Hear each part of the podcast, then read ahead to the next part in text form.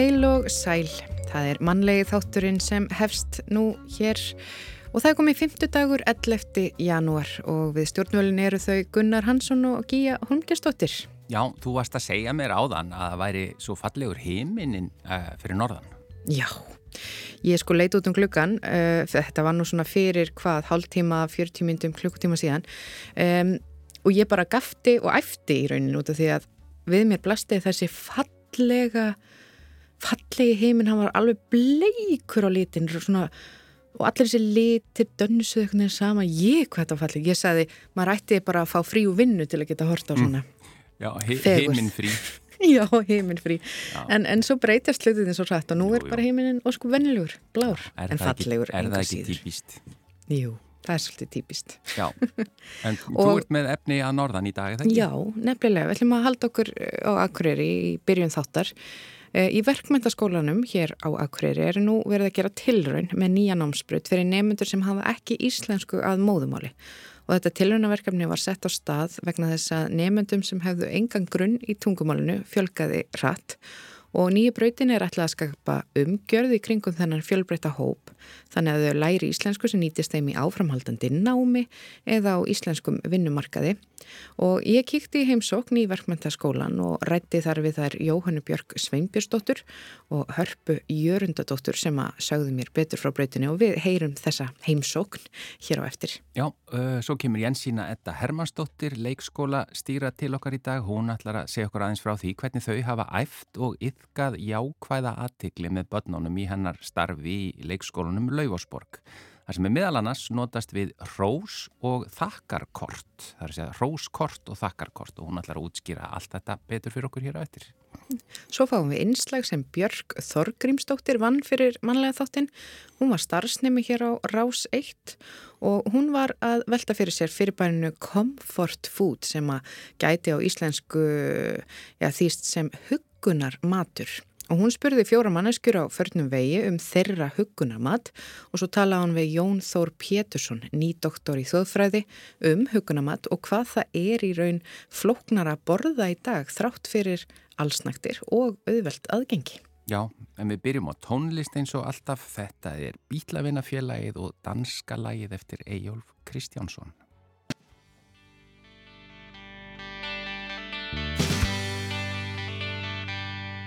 Manstu fyrir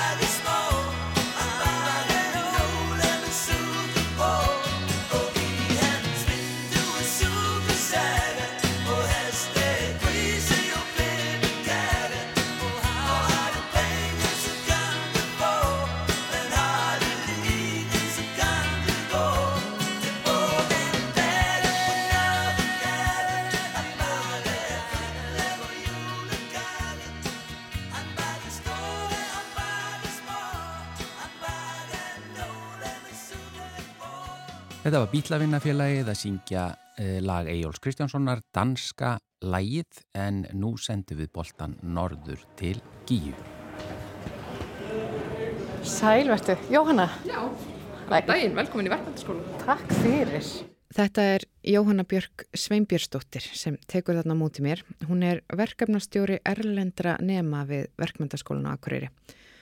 Og við röldum svo inn í fundarherbyggi sem að er já, rétt hjá mötuneyti starfsmanna, við löpum þar í gegn og inn í þessu fundarherbyggi þar uh, situr hún Harpa Jörundardóttir.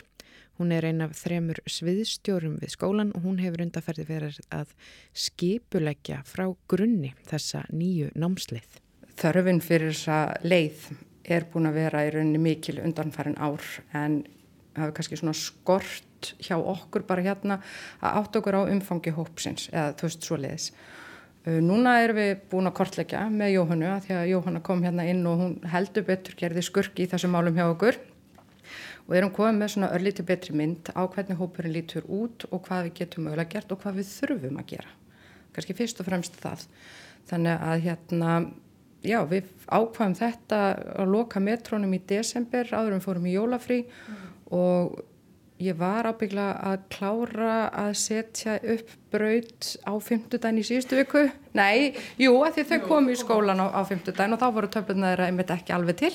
Já og svo erum við bara svona aðeins að yfirfara málinn og, og svona ræða okkar á milli hvað við þurfum að gera en þetta er tilrunafasi uh, við þurfum að leifa þess að fara svolítið af stað og, og sjá þá kannski hvar skóin kreppir og hvar hann er aðeins og víður og hvernig við getum sniðið þetta betur að þessum ofbósla fjölbreytta hópi sem við erum með uh -huh. Og sem sagt þetta er sem sagt braut fyrir nefnendur sem að tala litla sem ynga íslensku er að koma og læra í íslenskum skóla og námið snýst um hvað þá? Uh, fyrsta önnin er eiginlega bara íslenska og í ykkurum tilfellum dölbúin íslenska að því við viljum að vera með svona verklega íslensku þar sem við erum að læra í þetta skiptið sjúkraliða lingóið og um, svona matvæla og þjónustu lingó. Og svo verða þau í menningarlæsi sem er líka bara dölbúin íslenska. En það snýst svolítið um að bara finna orðaforða sem að hendar í daglegt líf og reyna að gera hann svolítið skemmtilega Eh, þannig að það er fyrsta önnin og svo fá þau smá stuðning og svo eftir sko á annari önn þá kannski verða þau fleiri áfengum sem að tengjast meira því sem þau stefna að hvort sem að það er félagsbraut, uh, smíðabraut eða hvað það nú er. Uh -huh. Og hvað eru margir sem eru í þessu tilrauna verkefni ykkar núna? Hvað eru þetta margir nefnendur? Inn á brautinni sjálfri eru núna 13 nefnendur, bættust fyrir við í morgun.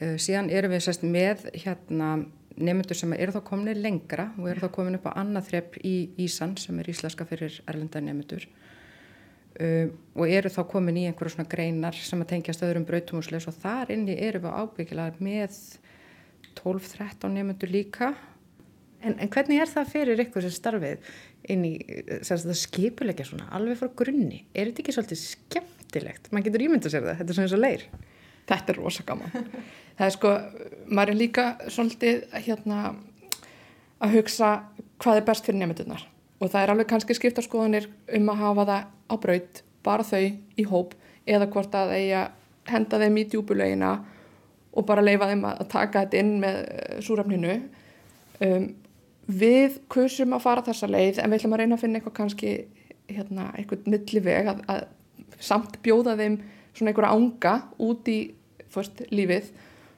og veist, það er svo gaman að tala við fólk um þetta, það eru svo margir aðgrúska í þessu og þetta er einhvern veginn svo mikið í diglunni þessa dagana að þetta er bara, já, ég elska vinnuna mína, ég elska þessa krakka og bara, minnst þetta er rosa gaman.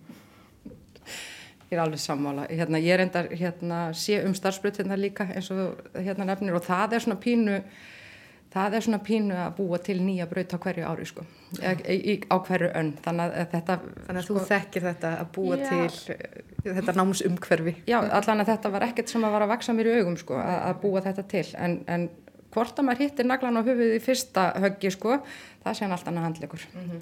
en kannski ég bæti einu við að það er líka svo áhugavert að sko ég kom hérna hvað 2022 og þá góðum við með stærstan hóp sko sírlenskar nefnda margir óskólagengnir og bara ótrúlega einhvern veginn svona einangraður hópur voru ekki mikið að tala við aðra nefnendur. Þannig að allt það ár var ég og aðri með hausinni breyti hvernig við getum gert þetta. Komum svo með frábæri hugmyndir margar hérna í haust og þá erum við með hóp mjög líflegum venezueliskum krökkum sem að dansa hérna salsa göngunum og eru búin að kynnast öllum og þú veist, eru bara út um allt ótrúlega gaman og það er bara allt annað nám sem að þarf einhvern veginn að búa til. Þannig að maður svona einhvern veginn, ú, ég held ég væri búið með þetta, nei. Veist, það er bara einhvern veginn back to basics. Veist, það þarf bara að byrja á byrjun og bara, ok, hvað þarf ég að gera? Já, og eftir að hafa setið þarna í smástund í fundarherbygginu og fengi að vita svona það helsta þá býður hún Jóhanna mér í smá röld um skólan eh, Ætlunin er að finna nokkra nemyndur sem að gætu spjallasmá við mig. Og þegar við röldum af stað þá segir hún Jóhanna mér hvað það séu margir jákvæðir í gardverkefnisins.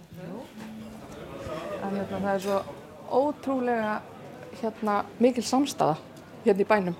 Já. Það er sko Rauðikrossin, eh, Hjálpræðsherrin, Bærin, Símei, mm. uh, Háskólinn, grunnskólanir. Það eru allir til í að gera það besta. Við höldum áfram að leita nefendum af brautinni og við erum komin inn í mötuneyti nefenda. Eh, það er hádegi nefnilega þegar ég var þarna á ferðinni. Nefendur og starfsfólk voru svona klára hádegismatinn og ég tek eftir að það eru kleinuringir þarna alveg í kassavís og hún Jóhanna segir mér að það hafi verið eitthvað svona sérstakur dagur eh, í verkmæntaskólanum þennan dag einhver gleði dagur það var tekið að móta okkur með jóapí og króla og, og hérna í beatboxi og, og kleinurringir og kókumjólk og alla, líka kennarana. Hæ stelpur Má útfarpir tala við ykkur? Fyrst fundum við hóp nefnda frá Venezuela og uh, þessi hópur er búin að búa bara nokkra mánuði á landinu. Ég heiti Feiruz Ég heiti Selimar. Ég heiti Andresa Ég heiti Fjóra. Ég heiti Marcelo. Hvernig gengur að læra íslensku? ¿Cómo? ¿Cómo te va aprendiendo islandés? ¿Cómo respondo? Já. Já, það eru þetta taugastrækjandi fyrir alla að uh, tala í upptökutæki. Sérstaklega þegar að þú er beðin um að tala tungumál sem að þú eiginlega kant lítið í, ert bara nýbyrjaður að læra. Og uh, við svona reyndum að, að, að tala smá saman og ég reyndi mér að segja sjálf að tjá mig aðeins á mentaskóla spænskunni minni. Eh, hablas eh, muy islandés? Nei. Nei. ég er le leira. Þú læra. Íslensku. En þú? Að læra. smá, smá, smá íslensku. Hvernig gengur? Ég skil smá. Skilur smá? Já. Svo skipti ég aðeins yfir í ennskuna. I heard that you are always dancing in the hallways. yes. yes. yes. We love dancing. Alltaf gaman. Dilo otra vez, dilo otra vez. We love dancing. Dancing, eh, music, Latin. Latin music. Latin music, yes, we love. Salsa. En Íslandingar, hvernig dansa Íslandingar? Nei. Ég heiti Jónas, ég er frá Irak. Uh, I'm here in Iceland three months. Þrý mánuðir. Yeah. Uh, en þú, hvað heitir þú? Ég heiti Hani, en kallar Heijar. Ég er frá Sýrland, en ég er búinn að vera trjú ára á Íslandi. Og hvernig er að læra íslensku? Bara mjög gott. Og þú ert nefnandi á þessari braut, nýju brautinni. Hvernig er, hvernig líst þér á? Bara mjög fint sko. Já skemmtilegist að læra e, ídróttum og smíða. Eftir spjallið við þessa nemyndur þá heldum við Jóhanna áfram að rölda um verkmyndaskólan á Akureyri og hún sagði mér að samskona brautir hefði verið starfraktar í skólum fyrir sunnan í nokkur tíma, þá lengst í tækniskólanum í Reykjavík og svo er líka samskona brauti fjölbreytaskólanum í Breitholti og hún Jóhanna segir að þau hér fyrir norðan sé að læra mikið af þessum skólum sé mikið og gott samstarf og samtal uh, í gangi á milli skólana en hver skóli þurfi samt að finna sínar leiðir sem að hæfir stærð skólana og þessu samfélagi sem að skólanir þjóna En nú erum við komin að einni stofunni í skólanum og hún ætlar að sína mér þar inn. Það gengur að vísu pínu brösulega að, að opna. Erum við komin að þennan. Rosalega er hún stíf. Vafti 40 verið hérna sneður. Kostur? Ég get svara. Ég? held að ég með takist. Ég held að þú brjóti líkinn. Já, held að ég. Þú fór svo. Virka líkillin þinn betur, hittur en minn. Ég veit það ekki. Er, komist ekki inn? Nei. Svo gengur þetta. Og Jóhanna segir mér að þetta sé núna heimastofa þessara nefnda. En hér er þess að svona, við fengum hana bara í bara haust. Já. Þannig að það er svona smá saman verið að setja hluti á veggina og gera hlutina sínilegri. Þegar þau voru alltaf bara eins og allir eru, bara alltaf í nýjum stofum. Já. Og þá var alltaf verið að taka allt niður um leið, en núna fær þetta að hanga. Já, og, og, og sko hér eru plaggu til dæmis og orð, hann, hún, það, ég skil ekki, getur þú hjálpað mér, horfa, lesa, hlusta, má ég fara á klósettið? Eh, og svo eru einmitt plaggut sem þau hafa verið að vinna sjálf og greinilega kannski eins og hérna. Hérna er svona búið að klippa, klippa út myndir og skrifa. Já, er þetta Karlins orð? Allir það ekki, já, jakki hann. Já, já. Sko, við erum nú ekki Sigurmóli, skór. Já, ummitt þetta er svona eitthvað, eitthvað mín í málfræði hérna og svo já. er þetta Íslandskort frá síðustu önn. Við erum að fara að gera nýtt núna með þessum nýja hóp. Ég þóra veðja að það verði listilega gert. Það eru svo listirinnar en það stelpunar mm. og það er mitt, hérna, þegar ég sagði að við varum að fara að gera nýtt Íslandskort þá alveg, gott, því þetta er ekki flott. Þannig að það verður uppfært þá er þau að læra landafræði leiðinni. Já, þetta uh, Íslandskort sem er þarna á vegnu núna er, er, er þetta er svona útlínur af Íslandi gert á brúnan pappir sem er alltaf notaður í skólum en um, já, þarna eru svona útlínur af Íslandi og það eru ljósmyndir af svona helstu kannski túristastöðunum, svona límdir þarna einn á. En það verður áhugavert hvernig þetta Íslandskort á eftir að breytast. En svo veldi ég fyrir mér framhaldinu, hvað fá nefnundur út úr því að hafa verið á þessari braut? Hvað gáttir svona oknar þetta fyrir hópin?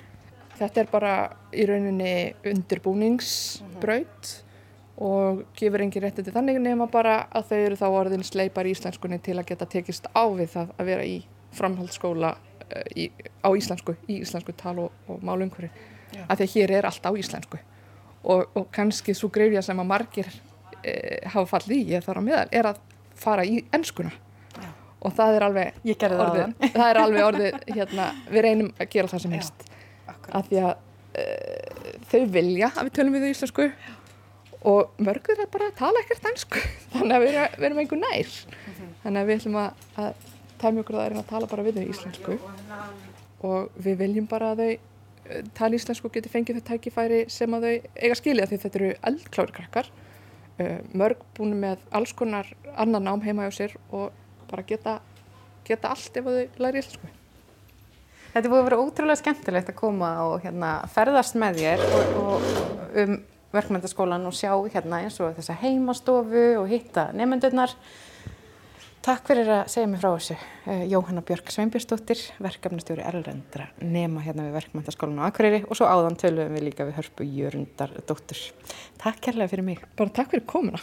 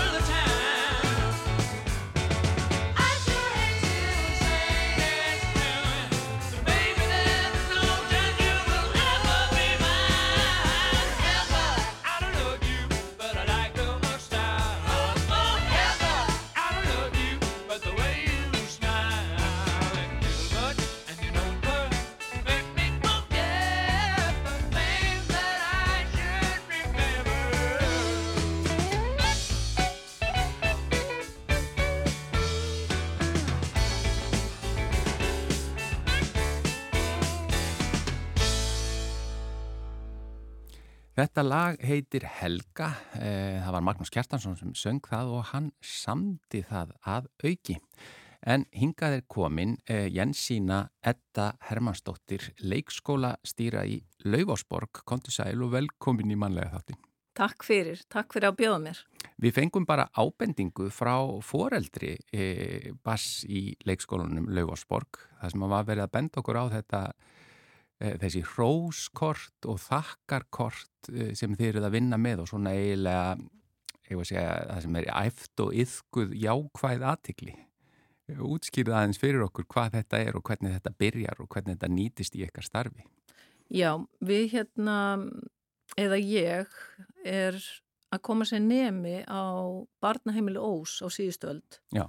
og þar er fyrir Solrún Ólafstóttir og hún er með þessi með þessi kort inn í barnastarfinu. Það hafði ég aldrei séð og mm. matta sýstir mín ekki heldur og við erum að mæta þarna báðar síðan. Og þetta var bara svo ótrúlega sterk upplifun að tengja jákast aðhæfingar við barnastarf. Þannig að við höfum valið það síðan þá að láta þetta fylgja okkur þar sem við erum. Útskýra aðeins betur hvað þetta er, þessi kort Já, og hvernig... Þetta eru, sagt, uh, þetta eru jákvæða staðhæfingar sem að segja kannski ég er gladvær, ég er ráðagóð, ég er duglega að gera gott úr málunum, ég er gleðigjafi, ég er flink að nota vinkonuröttina.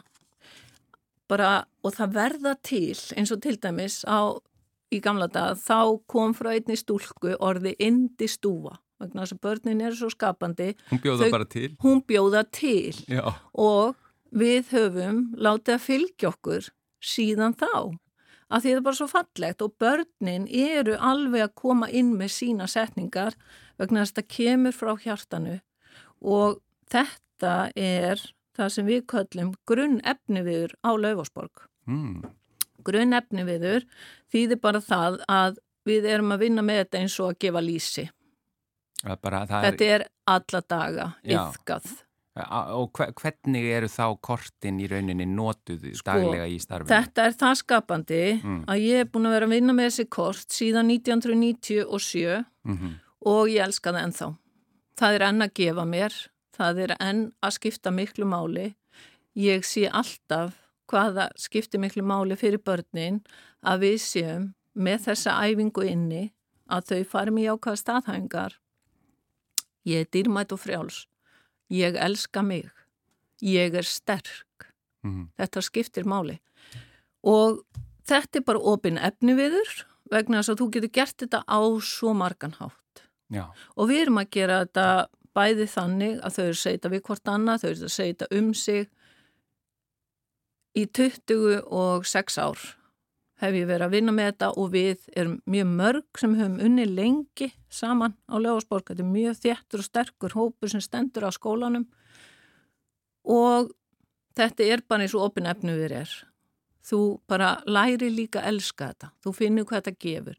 Þú finnur þetta skiptir máli fyrir barni sem þú ert með í þínum höndum og það er svo gaman að síðan þróast allt og nú vorum við að uppfæra kortin og lifta þeim bara með því að láta hanna þau, gera þau falleg og að, að Þetta eru bókstafleg kort, ert með hérna já, að bóka bara fyrir framann því Já, þetta er bara ótrúlega fallegur efni viður og bara talandi um að veita því aðtikli sem að gengur vel að vera barn sem sér það góða hjá vinkonu sín og vini og hafa orð á því vegna þess að við sjáum þá að finnum hvað börn okkar hafa mikinn orðaforða og að þau bara eru alltaf að æfa sig að taka eftir því sem vel gengur og ef þú ert barn í lífinu þar sem þú ferð út á akurinn og ert að sjá þar sem vel gengur hjá vinkonu og vini, það kemur til þín aftur. Já, þessar setningar er... sem þú lastu upp, þær eru rauninni snú allar að manni sjálfum, en já, er notað alveg líka þau, já, eins og til dæmis, já, það er bæði, æfingin er bæði að segja við hvort annað, en líka að segja um sig. Já. Þannig að þetta, þetta er, það er á báða vegu gert. Þannig að það er allt saman æft, þau eru að segja þetta við hvort annað, en þau eru líka að segja bara, ég er sterk. Að Þannig koma að þau... bara auga á jákvæðu hliðarnar já, á sér og, og öðrum. Já og líka bara þegar þú ert að mantra því svona, mm -hmm. þetta er bara mantra, þetta er bara þú, þú ert að forrita þig, þú bara, ég er sterk, ég er sterk og ég bara trúi því, eins og bara barnabarni mitt heima að klifra upp í hurðinni. Þú veist, og hún bara, ég er sterk. Þetta er ótrúlega mikil gjöf Já. og þetta er þegar við erum að tala um bara að vera manneskja þar sem að þér líður vel og þú elskar þig. Við þurfum að vera í velíðan Já. og þetta er það mikilvægt að í samfélagi sem að veitir kannski aðtikli því sem að ekki gengur vel eða bara einhverja rugglast að geta bara séða góða eða já þetta er Að þetta er- beina í það minnsta aðtiklinni að því góða. Já, já og styrkleikum hvors annars. Já. Og Við- þau við eru eigum- öll að rugglast vegna þess að móti kemur að þau bara svona gengur betur næst. Þú, þú veist, það má rugglast og bara gerist á bestu bæjum eins og við segjum í hjallastemni, Lögarsborgi hjallastemni skóli Mhm. og þetta er bara, þetta er ómetanlegt og, og við finnum alltaf betur og betur og þetta kemur líka heim með börnunum og þetta gefur inn í fjölskyldurnar. Hve- Hvernig kemur þetta, fara krakkarnir með uh, spjöldin heim til sín? Nei, en við höfum í gegnum árin, þá höfum við verið með kærleiksgjafir sem við köllum það þegar að í kringu jólinn börnin er að fara með þessar jólagjafir og við veljum að kalla það kærleiksgjafir og þá að til dæmis veri bara þau vali sér staðhæfingakort til að gefa fjölskyldunum sinni jólagjöf og það gefur svo mikið og, og, og þú veist, þau eru að draga og þau tengja vita, þau elskita, þau hluta þeirra tilveru í skólanum þeirra En svo var svo gaman að fyrir þó nokkuð mörgum árum þá hérna voru kennarar á lögásbór sem bara svona, hei, gerum þakklætskort líka. Handa Og hverjum þá? Han- bara okkur, skólanum. Já, hvora öðru, já. já. Bara fyrir skólan sem Já. grunn efni við á móti hróskortunum og, og við erum bara þannig á lögásborg, við bara grípum hugmyndi hvers annars. Þú veist, við bara viljum hafa gaman og bara elskum alltaf að vera að gera eitthvað og þró okkur og bæta okkur. Þannig að úr urðu þokk, þakklætiskort sem að eru svo dýrmætt að vera þakklátt manneskja. Það er ómetanlegt Já, já, og við yðkum þakklæti alveg eins og við yðkum jákvæðnina. já. Og, Og það, þessi- það kemur með aldrinum oft, þá kemur einhvers konar kaltaðin í okkur og við heyrum einhverja frasa sem eru, jafnvel sem eru svona slagorð fyrirtæki og annað og maður er einhver svona, já, já, en það er ekki kaltaðin í börnunum þegar þau byrja að heyra þetta eða þá, Nei, börnin eru bara svo sönn. Já, og þau eru, þau eru alltaf, sko, þau eru bara svo sönn. Þau eru ekki þarna, þau eru í heiðarleikan og þau trúa því þegar við komum með þessi kort til þeirra, þessi kærleikskort, þau trúa á þetta því að við gerum það. Við höfum þetta fyrir börnunum. Við erum að elska þetta. Erum, ég er kannski með hópnu mínum að draga og svo dregu við innu sem segir ég er hjálpsamur og ég grýp það, við útskýrum hvað þýðir það. Eða ég segi, ó vá það er svo frábært mannstu, þú varst að hjálpa vinið þínum, þú ert svo hjálpsamur, gaman að þú skildi draga þetta. Það eru miljón óteljandi vegur sem þú vinnur með þetta. Þú ert bara að lifta barninu með því að veit svo aðtekli. og fá, fáið þið oft svona viðbröða því að það er í rauninni foreldri e, úr skólanum ykkar sem að bendir okkur á þetta, fáið þið oft viðbröð frá foreldrum að, að þetta smiti inn í, á, bara í fjölskyldinu og heiminu? Já, mjög mikið og þetta fer, börnin eru þar að bara það fer ekki kort af heimilinu öðru sinna að þú segir eitthvað fallegt um vinkonu þína og það er svo gaman að sjá hvað börnun og þau hygg ekki, þau hygg ekki við það, þú ert komið vinkonu fyrir framann því að vin. Þau eiga svo létt með það, horfi í augun þín og gefa þér fallegt trós sem að ávið. Þetta er ekki, þau fara alltaf þangað. Já. Þú ert skemmtilegur, þú ert fallegur. Þetta er svo einlægt og þetta er svo fallegt og já, þetta fylgir þeim og foreldrar auðvitað kunna meta það hvernig badnið byrtist. Að badnið skul byrtast á þann hátt að það sem fallegan orðaforða. Já. Veitið til þess að, eða veistu til þess að þetta sé notað annar staðar í öðrum skólum? Er þetta notað Nei. í hjallastefnunni annar staðar eða? Já, nei, þessi kort hafa verið að fylgja okkur Mm og hjallastefnan er bara svo mikið, mikið snildar áhald sem Akapala bjóð til bara á heims mælikvarða segi ég og galdurinn í áhaldinu er sköpun fyrir hvern og eitt skóla og þar liggur þetta því að börn eru bara algjörlega lífræn, engin skóla á að vera eins og börnin eiga að skapa skólan sinn og þannig að við finnum leiðir fyrir okkur til þess að yfka meginreglu 2 sem er til dæmis starfsfólkið í ákvæðni gleði kærilegur eða meginreglu 1 börn og fjölskyldur. Mm. Þannig að þetta er bara eina af okkar leiðum og þetta er bara okkur svo dýrmætt og ég bara kann ekkit annað. Ég hef ekki verið sem kennari, ég er í badnastarfi, ég vinn með börnum, það er engi skrifstofa álefasborg. Ég gæti ekki verið án þessara korta. Ég bara, ég gæti það ekki sko. Áhugavert, þakka þér innilega fyrir að koma og segja okkur betur frá þessu Jensína Edda Hermannsdóttir leikskóla stýra í leikskólanum Laugásborg. Takk hella fyrir, takk fyrir.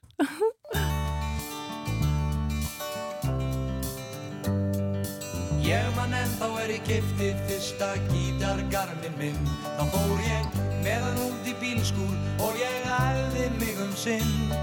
Allir heima þurft að hlusta hundrað sinnum á mín lög.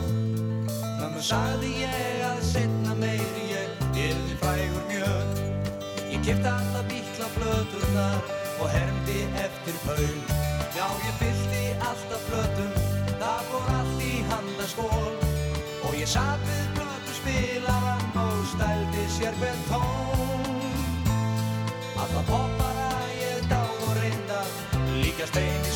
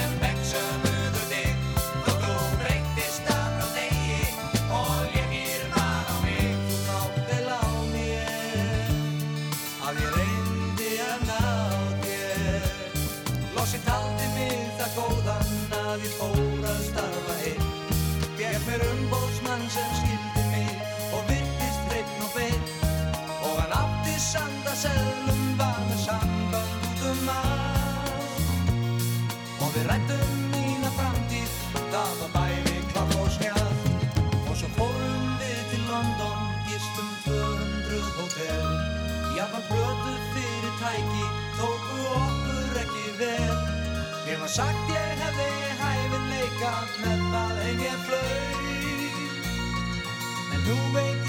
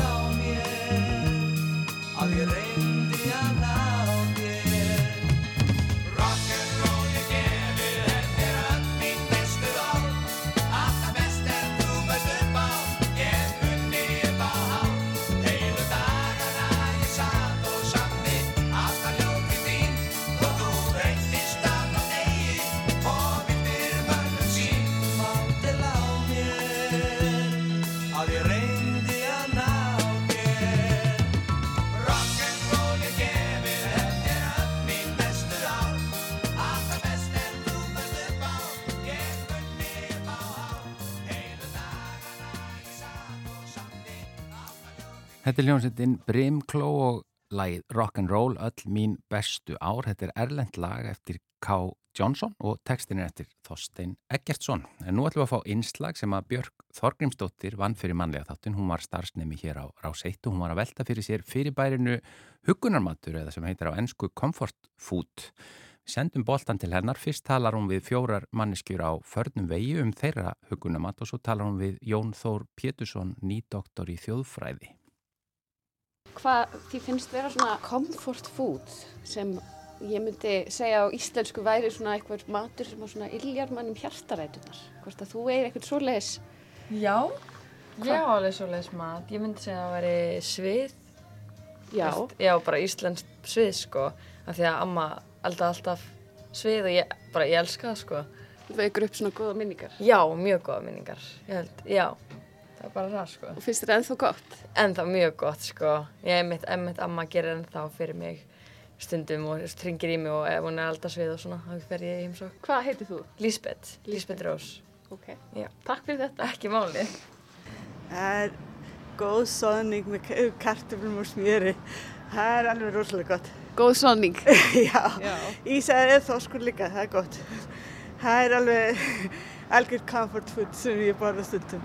Já. Ekki pasta eða eitthvað svolítið, en Nei. soðning, kartöflur og smjör. Ég býi útlöndu þannig að ég sakna þess oft á Íslandi. Ég skil, ok. Hver er svona þinn comfort food? Bara pizza. Það er gamla góða pítsan. Það er gamla góða pizza. Ok, takk fyrir það. Hvað heitir þú? Ég heiti Snæbjörn. Þannig að mér langaði að spyrja þig, hvað er svona þinn comfort food? Það er nú eitthvað, eitthvað sko með svona súkulaði einhverju og, og helst eitthvað svona bakað jafnvel sko ef við erum í svona einhverju, já svona eitthvað, eitthvað bakarís, jökk eitthvað. Já. en ef það er í svona einhverjum, einhverjum svona máltíðum að þá, þá væri það kannski svona, já kannski eitthvað svona, eitthvað djústekkir í eitthvað sko. Eitthvað svona Kentucky Fried jafnvel ef maður, ef maður ætlar alveg að maka sér það endum sko. Þetta er, jú, þetta er alveg sér deild sko. Já. Já, já. Ok, heyrðu, takk fyrir þetta. Ekki Hvað-. Góð, nafnið bara. Einar Borðarsson. Já, frábært, Ekki takk. máli, takk. Þetta hugtæk tengist í rauninni svolítið, uh, hvað við segja, þjóna svona tilfinningalegu hlutverki. Þetta er oft matur sem að fólk borðaði í æsku sem börn og hefur ákveðna minningar um og tengingar og þetta er náttúrulega matur sem að tengir saman fólk. Þetta er mjög gætna tengt að við bara horfum á svona á þetta með einhvers konar kynjum, glerum, þetta er mjög oft tengt við hérna mæður og ömmur að þetta sé svolítið tengingin en það er líka til alveg margar minningar og sögur um, um eitt feður og, og jafnvel afa sem að hérna fólk á einhvers konar góða mataminningar um uh, og þetta, er að- og þetta er kannski ekki svo skrítið að þetta sé einhvern veginn svolítið nátengt að því að það er í rauninni búið að sína fram á hvernig sko, þetta eru mjög nátengdar stöðvar í heilanum sem sagt bræðskinn sem er þá bæði sérstaklega í gegnum nefið, líktaskinni er stór hluti af bræðupplifun, eiginlega stærri enn sjálft sjálfur munnurinn. Uh, þannig að þetta bræðskinn er mjög nálat sko, stöðinni í heilanum sem stjórna minningum þannig að þetta einhvern veginn fléttar svolítið líffræðilega saman sko. uh, en eins og svo oft það er kannski líffræðinni búin að staðfesta það sem að hug og félagsvísindi eru búin að halda fram með að vita í langan tíma en þannig að það er búið að sína svolítið fram á það og það er ímislegt mjög áhugavert í þessu til dæmis það eru einhverja rannsóknir allavega, já, allavega ein, ef ekki fleiri þá sem sína fram á sko þetta er tengt tilfinningum en það eru mjög oft til dæmis það er frekar neikvæða tilfinningar sem að tryggjera þetta hjá konum að það er leiti þennan mat til að bregðast við einhvers konar neikvæðum tilfinningum Ok. en öfut stundum hjá kallmönnum þeir, þeir, þeir tengja við einhverja jákvæða tilfinningar og borða þennan mat þetta er náttúrulega líka, þetta er bæði jákvætt og neikvætt þetta er jákvætt í kannski reynin hvernig þetta tengir fólk saman og kynnslóðir og, og aðstæður og minningar en þetta getur líka verið að það er eitthvað sem að þetta þjónar í rauninni svona tilfinningalu hlutverki að, að hérna, díla við erfileika bara eins og stress og kvíða og þunglið og einnig, þetta er mjög þekkt sambönd. Þú veist að tengda sest, kvíða og þunglindi og borða sigraðan mat og, og Mhm. svona. Þannig að Og það getur síðan aukið Van, kvíðan. já, já, van, það getur ekki vanlíðan og skömm og, og, og þess áttar þannig að þannig að þetta, þetta er sjálfur sér ekki bara hugtæk sem er tengt við einhverjar dúlulegar ömmur. Og ef maður horfir bara á þegar bara undanfærin ár, kannski áratug þá komið út alveg fjölmarga bækur. Maturislu bækur og einhverja matatengda bækur. Það er náttúrulega alveg sprenging í þessu yfir höfuð. En sérstaklega líka sko, sem bara beinleins heita comfort foods eða, eða eitthvað svoleiðis og, og náttúrulega það eru margar svo sem nokkra kenningar, einn kenning er svo sko að í þessu, hvað það að segja í þessu samfélagi sem að stíla svo mikið inn á líkansýmynd og að borða hotlan og góðan mat og, og allar þessar reglur sem að við um einhvern veginn aðla okkur að þá er svona comfort food er einhvers konar að komast handa þessar regla sko, að réttlætir það þessa neyslu sko að því að það hefur þessar persónlu tengingar og tilfinningarlegu velíðan og eitthvað svona þú getur réttlætt að borða mat sem er kannski þykir ekki vera hollur samkvæmt einhverjum hérna, standardum mm -hmm. þá getur leiftir að gera þetta og þetta er eiginlega réttlætingin fyrir því mm -hmm. uh, það er eitt annað er sem er þá bara tengt svolítið því sem ég hefur líka verið að rannsaka bara þessari gjá sem við myndast milli framlenda neytenda þetta sé einhvers konar leið til að bara díla við fyrringu í samtímanum yfir höfuð þú sért að tengjast einhverju, tengjast, fortíðinni, tengjast fólki, tengjast mat sem að þú einhvern veginn hefur kannski á mörguleit og svona nútíma maðurinn hefur tapað mörgum af þessum tengingum og þetta þá er þá kannski bara hluta víðara svona, hvað ég segja, víðari áherslum í samtímanum sem að snúa uppruna og En hver er svona, hver myndur segja að vera þinn svona comfort food, svona hugunar matur? Minn hugunar matur? Mm -hmm. mm. Það er góð spurning. Ég myndi segja að það væri slátur með jafningi, uh, svona sigruðum, sigruðum uppstúf og, og kartöflum. Okay. Það, er matur sem ég elska sem barn og finnst ennþá mjög, mjög góður og svo gerir það ekki sjálfur en fólkdra mín er búið ennþá til slátur -hmm. og ég fæ þetta svona kannski nokkur sem ári á þeim og myndi ekki alltaf mjög vænt um það þannig að já, þetta er svona minn, minn hérna nostalgíu barnamatur sem að ég sé borða algjörlega ennþá já. en hef ekki verið að búa þetta sjálfur og hef svo sem ekki verið að hafa þetta borðin fyrir mín börn dætu mínar hafa fengið þetta bara hjá af og ömmu það, hérna, og það er kannski búa til lengur svona tengsl við þau í gegnum þetta sko. mm -hmm. Þannig að þú tengir þetta svona við fóröldrana á æsku slóðurnar Já, bara þennan mat sem að var á bóðstólum svona á nýjunda áratögnum þegar ég var krakki sem að var náttúrulega allt tildulega mikið öðruvís en meir í dag. Að, veist, það var lítið frambóð af gremmiti og ávöxtum og það væri miklu betra en áratögina þar á undan. Eh, en, en þá var þetta bara allavega heima hjá mér var þetta bara algengum matur. Svið, bjúu slátur að, hérna, og svona já þessi matur sem er nú eiginlega flest flest allt hefur verið á torramatur í dag. Eða, eða matur sem að einhvern veginn íslendingar svona sturta upp í sig til að staðfesta þegar það er þessi íslendingar. Það er, næ, ég myndi aldrei neyta á öðrum tíma. Nei, ymni mm. Þannig að þetta er orðið aðeins flóknar að, að, að vera að borða í dag Ég held að, ég, ég held að og ég, það er, já, algjörlega mm -hmm. það er flóknara til dæmis að því leiti að að þú bara stendur fyrir fram að hefbindi mjölkukæli mm -hmm. þá ertu með cirka 150 öru til að veljúr þannig að bara svona valkvíðin og allt mm -hmm. þetta sko held ég hefur alveg markfaldast uh, við að það fara út í búr þetta er alveg miklu floknara en síðan þessi bara þessi ótti við mat, ótti við uh, aukaefni ótti við að veist, þetta sé ekki nú hollur og góði matur uh, hefur aukist en, en hefur aukist á sama tíma sem að í rauninni ekkert bendir til þess að matvala framherslu að sé, sé hættulegri í dag en hún var mm -hmm. uh, og, og það er mjög skipta skoðanir um veist, þessi innihaldsefni og eins og núna þú býður engum í mat nefn að spurja hvort það sé veist, óþól og ofnæmi og ammæli og eitthvað svona og telli þetta og hitt mm -hmm. þetta gerði enginn fyrir 20-30 það, bara, það var ekki tugsa út í svona hluti. Uh, okkur svona þannig að, þannig að þetta er orðið já ég myndi segja þetta það er orðið tölvöld flokna einhvern veginn að borða þetta á mörgu leiti Akkurát svona hvernig, sko, aðgengið er rosalega gott og auðvöld mm -hmm.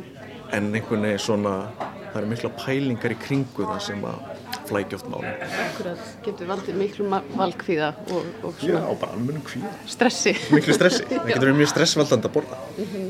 Þá er gott að hafa eitthvað svona hugunar fæðu að leita til. Þá þarf þetta ekki að hugsa þannig. A- Algjörlega og ég held að einmitt að huggunamatur eða huggunafæði geti einmitt þjónað þetta er einn tilgangur sem að slíku matur getur þjónað að einhvern veginn að komast handan allra þessar áhyggja og bara einhvern veginn fá að borða eitthvað sem að þér finnst gott og lætu þið líða vel Mhm. alltaf það tímabundi Akkurat. Heyrðu, ég held að þetta sé bara komið og bara, ég bara þakka þér kjalla fyrir. Takk. Takk sem Já, þetta var einslag frá Björk Þorgrinsdóttur, hún var uh, starfsnemi hér á Rás 1 og þarna talaði hún uh, við fólk á förnum vegi og uh, Jón Þór Pétursson, nýdoktor í þjóðfræði um hugunarmat eða comfort food. En þetta var síðasti liðurinn í mannlega þættinum í dag. Við verðum hér auðvitað aftur á sama tíma á morgun. Uh, þakkum innlega fyrir samfylgdina í dag. Verið sæl.